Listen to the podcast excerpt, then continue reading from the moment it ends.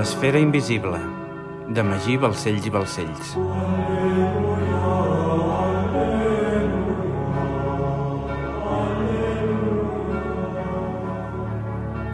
Capítol 23. Neteja de cardenals. Dilluns, 1 de març de 1305. Castell de Fontainebleau, Regne de França.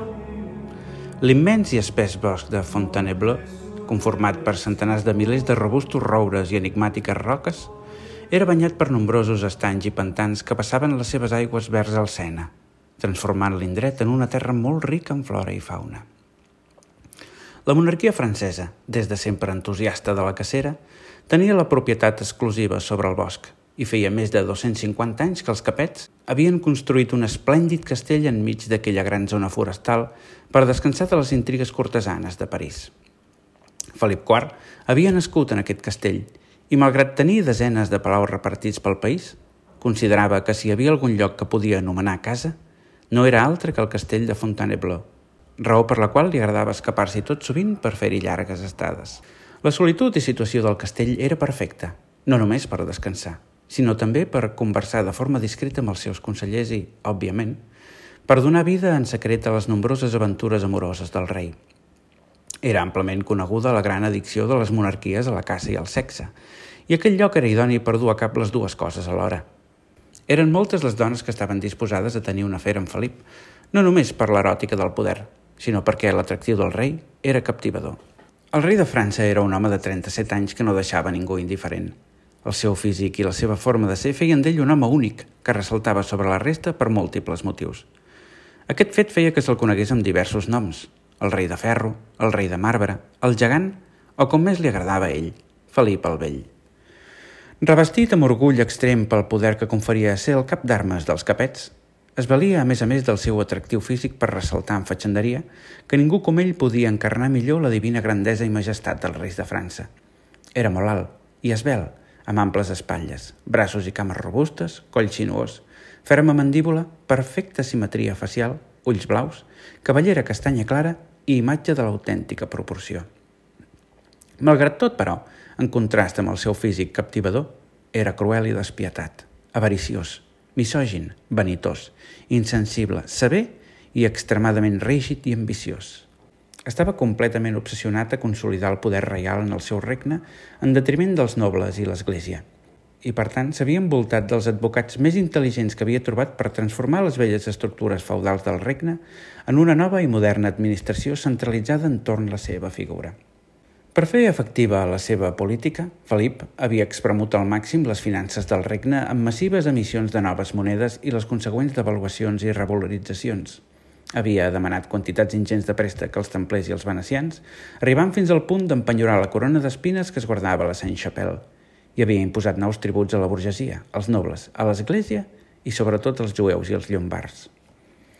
La cobdícia de Felip no tenia límit, i anant molt més enllà de tot l'anterior, per catapultar la seva avarícia al límit, estava disposat a fer tot el que estigués al seu abast per ser investit Rex Bellator. Però, malgrat l'ambició del rei, no tot sortia com ell esperava, i les seves possibilitats per heretar els templers eren molt baixes per no dir nules del tot. A més a més, hi havia el problema de la seva dona i el seu fill Lluís, i la important qüestió del deute amb els templers, fet que, si no solucionava aviat, el conduirien a la ruïna. A tal fi, el rei estava en una calenta sala noble amb el seu fill Lluís, el delfí de França, Guillem de Nogaret, Bertran de Got i els germans Colonna, parlant de com posar fi a la gran campanya catalana d'Orient i també respecte a l'estratègia a seguir en el conclave papal que s'estava celebrant a Perugia. Era de vital importància pels interessos de Felip que els catalans abandonessin Orient i que el pròxim papa fos partidari de França. El jove Lluís, com hereu de la corona, havia estat convidat a assistir a la reunió per ordre del seu pare, ja que aviat hauria de començar a assumir les responsabilitats pròpies de la seva posició. Joana I de Navarra, la reina, ja feia molt temps que estava malalta i es veia tan propera a la mort que havia dictat testament. Lluís seria coronat rei de Navarra quan la seva mare morís. I Felip s'afanyava a instruir-lo per assegurar-se que aquell beglet actués d'acord amb la dignitat del seu llinatge. El noi, que tot just havia fet 16 anys, era tot el contrari del seu pare, escanyolit, llargarut, desproporcionat, pàl·lid, encorbat i dèbil. Però tot i així, era llest i sagaç, respectuós, amable, permissiu i dotat d'un sentit polític inaudit. Felip pensava que aquell noi no havia heretat res de la bellesa dels capets, però malgrat tot estava orgullós de la seva intel·ligència, fet que contrarrestava amb escreix el seu semblant malaltís. El jove príncep Lluís es casaria aviat amb Margarida de Borgonya i esdevindria rei de Navarra amb tota seguretat. Per tant, calia que estigués al corrent dels principals problemes i ambicions de la corona francesa.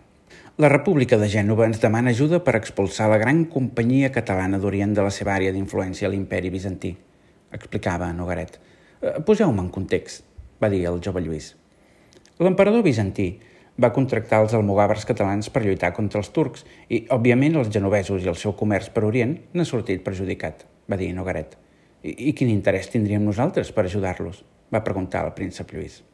Com bé sabeu, Carles de Valois, el germà del vostre pare, es va casar el 1302 amb Caterina de Courtenay, emperatriu titular de l'imperi llatí de Constantinoble, amb la qual cosa es va convertir en emperador, li explicava Nogaret. Emperador titular només, perquè fa més de 40 anys que no existeix tal imperi, va remarcar el rei.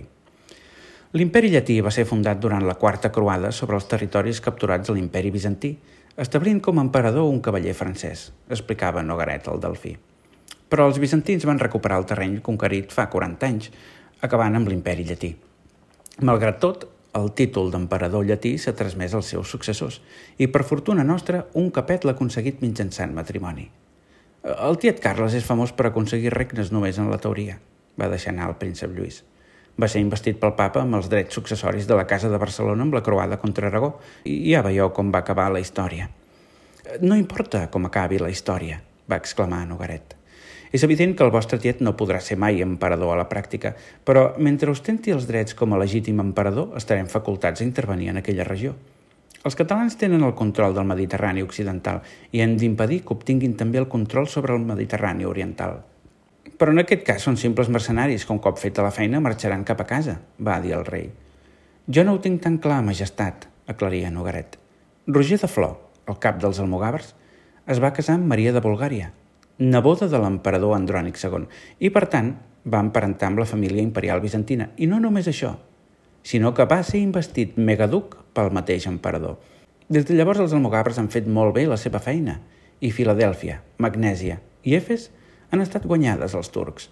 L'emperador Andrònic, content i agraït, ha nomenat Cèsar a Roger de Flor i li ha concedit en feu gran part del territori reconquerit, així que un mercenari almogàver vassall de la Casa de Barcelona s'ha convertit en megaduc i cèsar de l'imperi bizantí.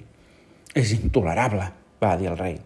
Afortunadament, Carles de Valois és emperador titular i això ens faculta actuar, deia Nogaret. En aquest sentit, ja hem començat a fer ús de la nostra diplomàcia i hem trobat una interessant informació. Miquel, el fill de l'emperador bizantí i hereu al tron. Miquel està molt molest amb Roger i no tolera que li prengui més protagonisme. Enveja? L'enveja és una poderosa arma que ens pot ser útil, va dir el jove Lluís mirant el seu pare. Oferiu a Miquel la nostra protecció i animeu-lo a segellar el destí de Roger, va sentenciar el rei mentre Nogaret assentia. Eh, canviant de tema, com estan les coses en el conclave de Perugia?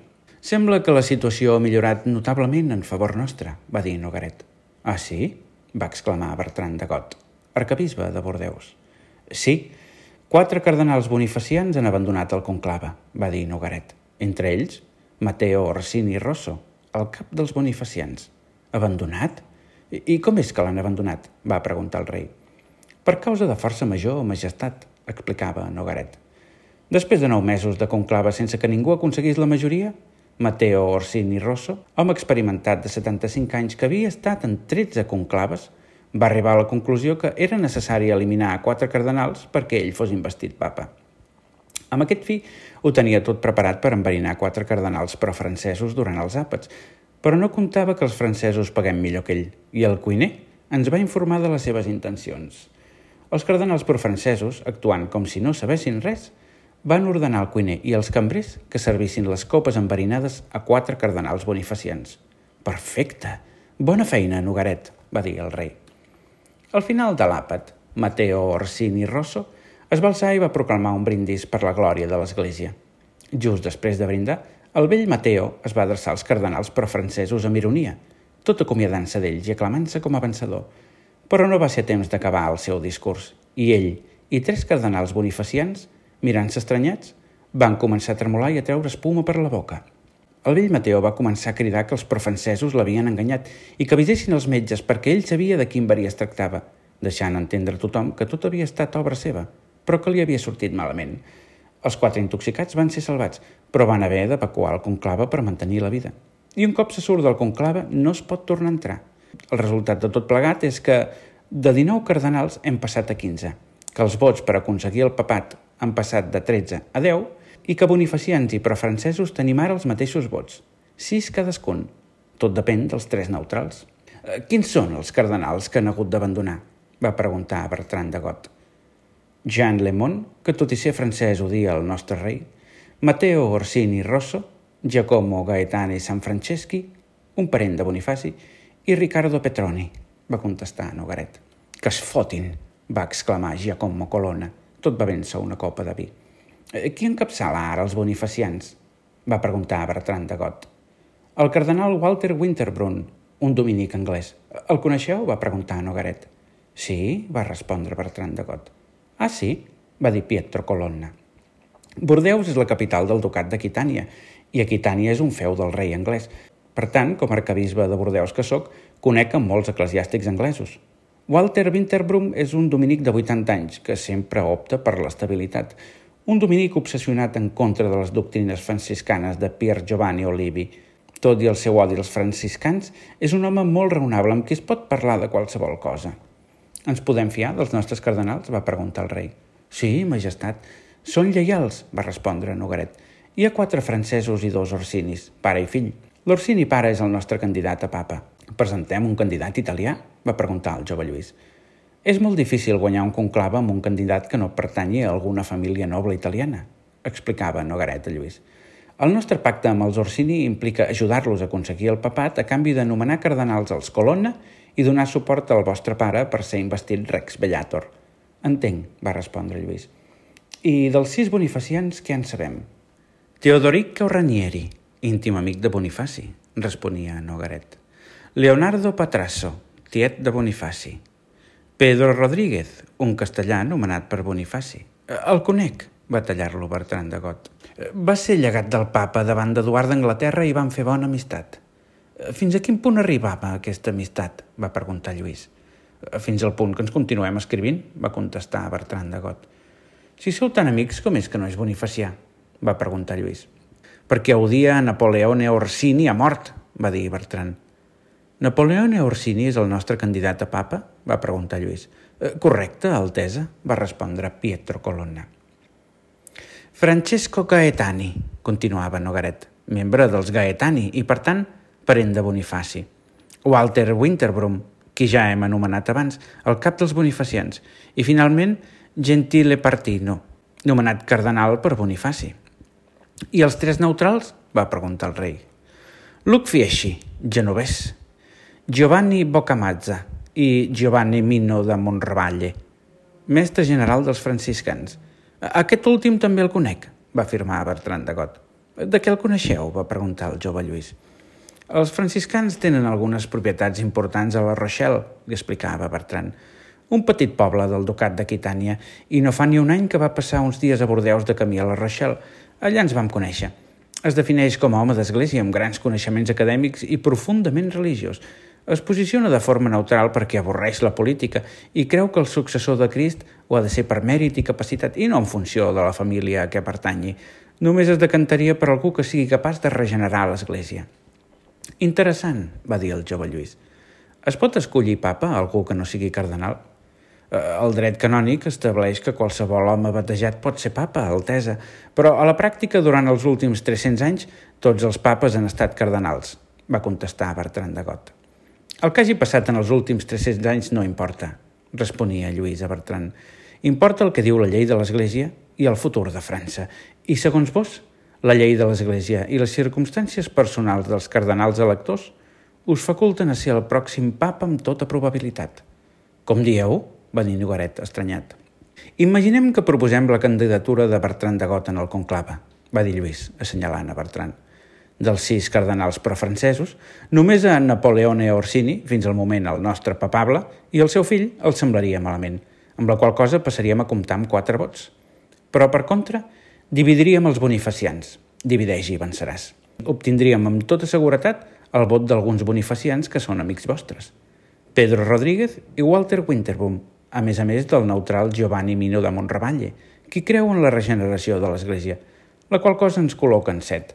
Eh, dubto molt que Rodríguez canviés el vot i que Winterbroom renunciés a ser papa altesa, va dir Bertran de Got.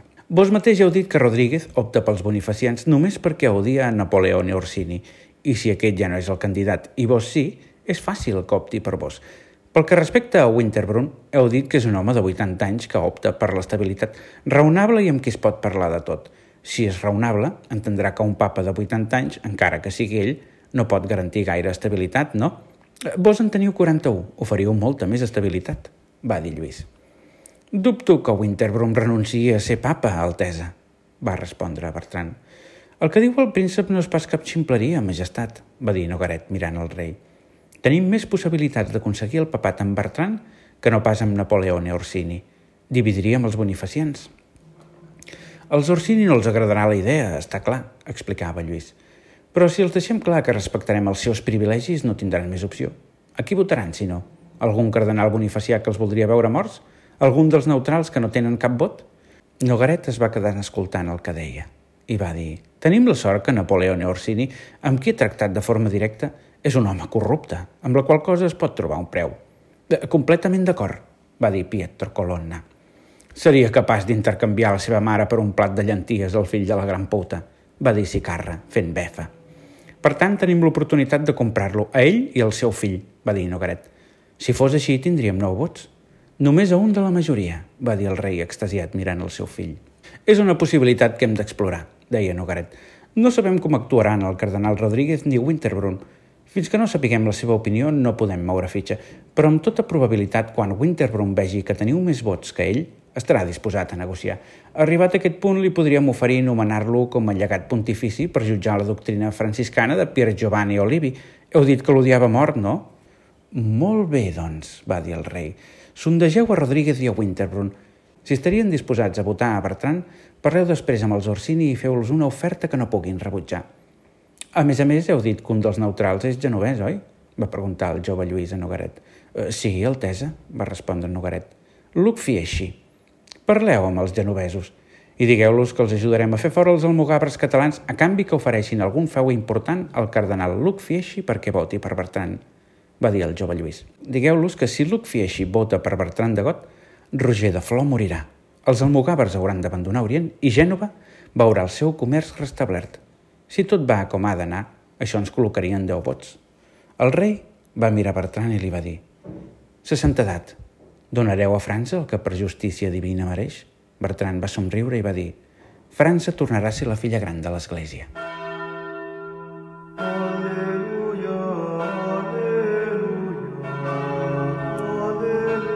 L'esfera invisible, de Magí Balcells i Balcells. Aleluia.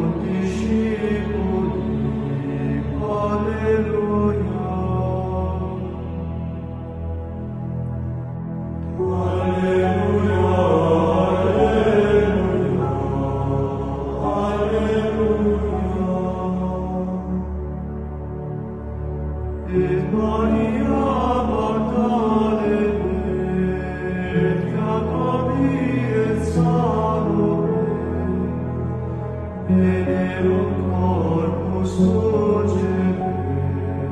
tuo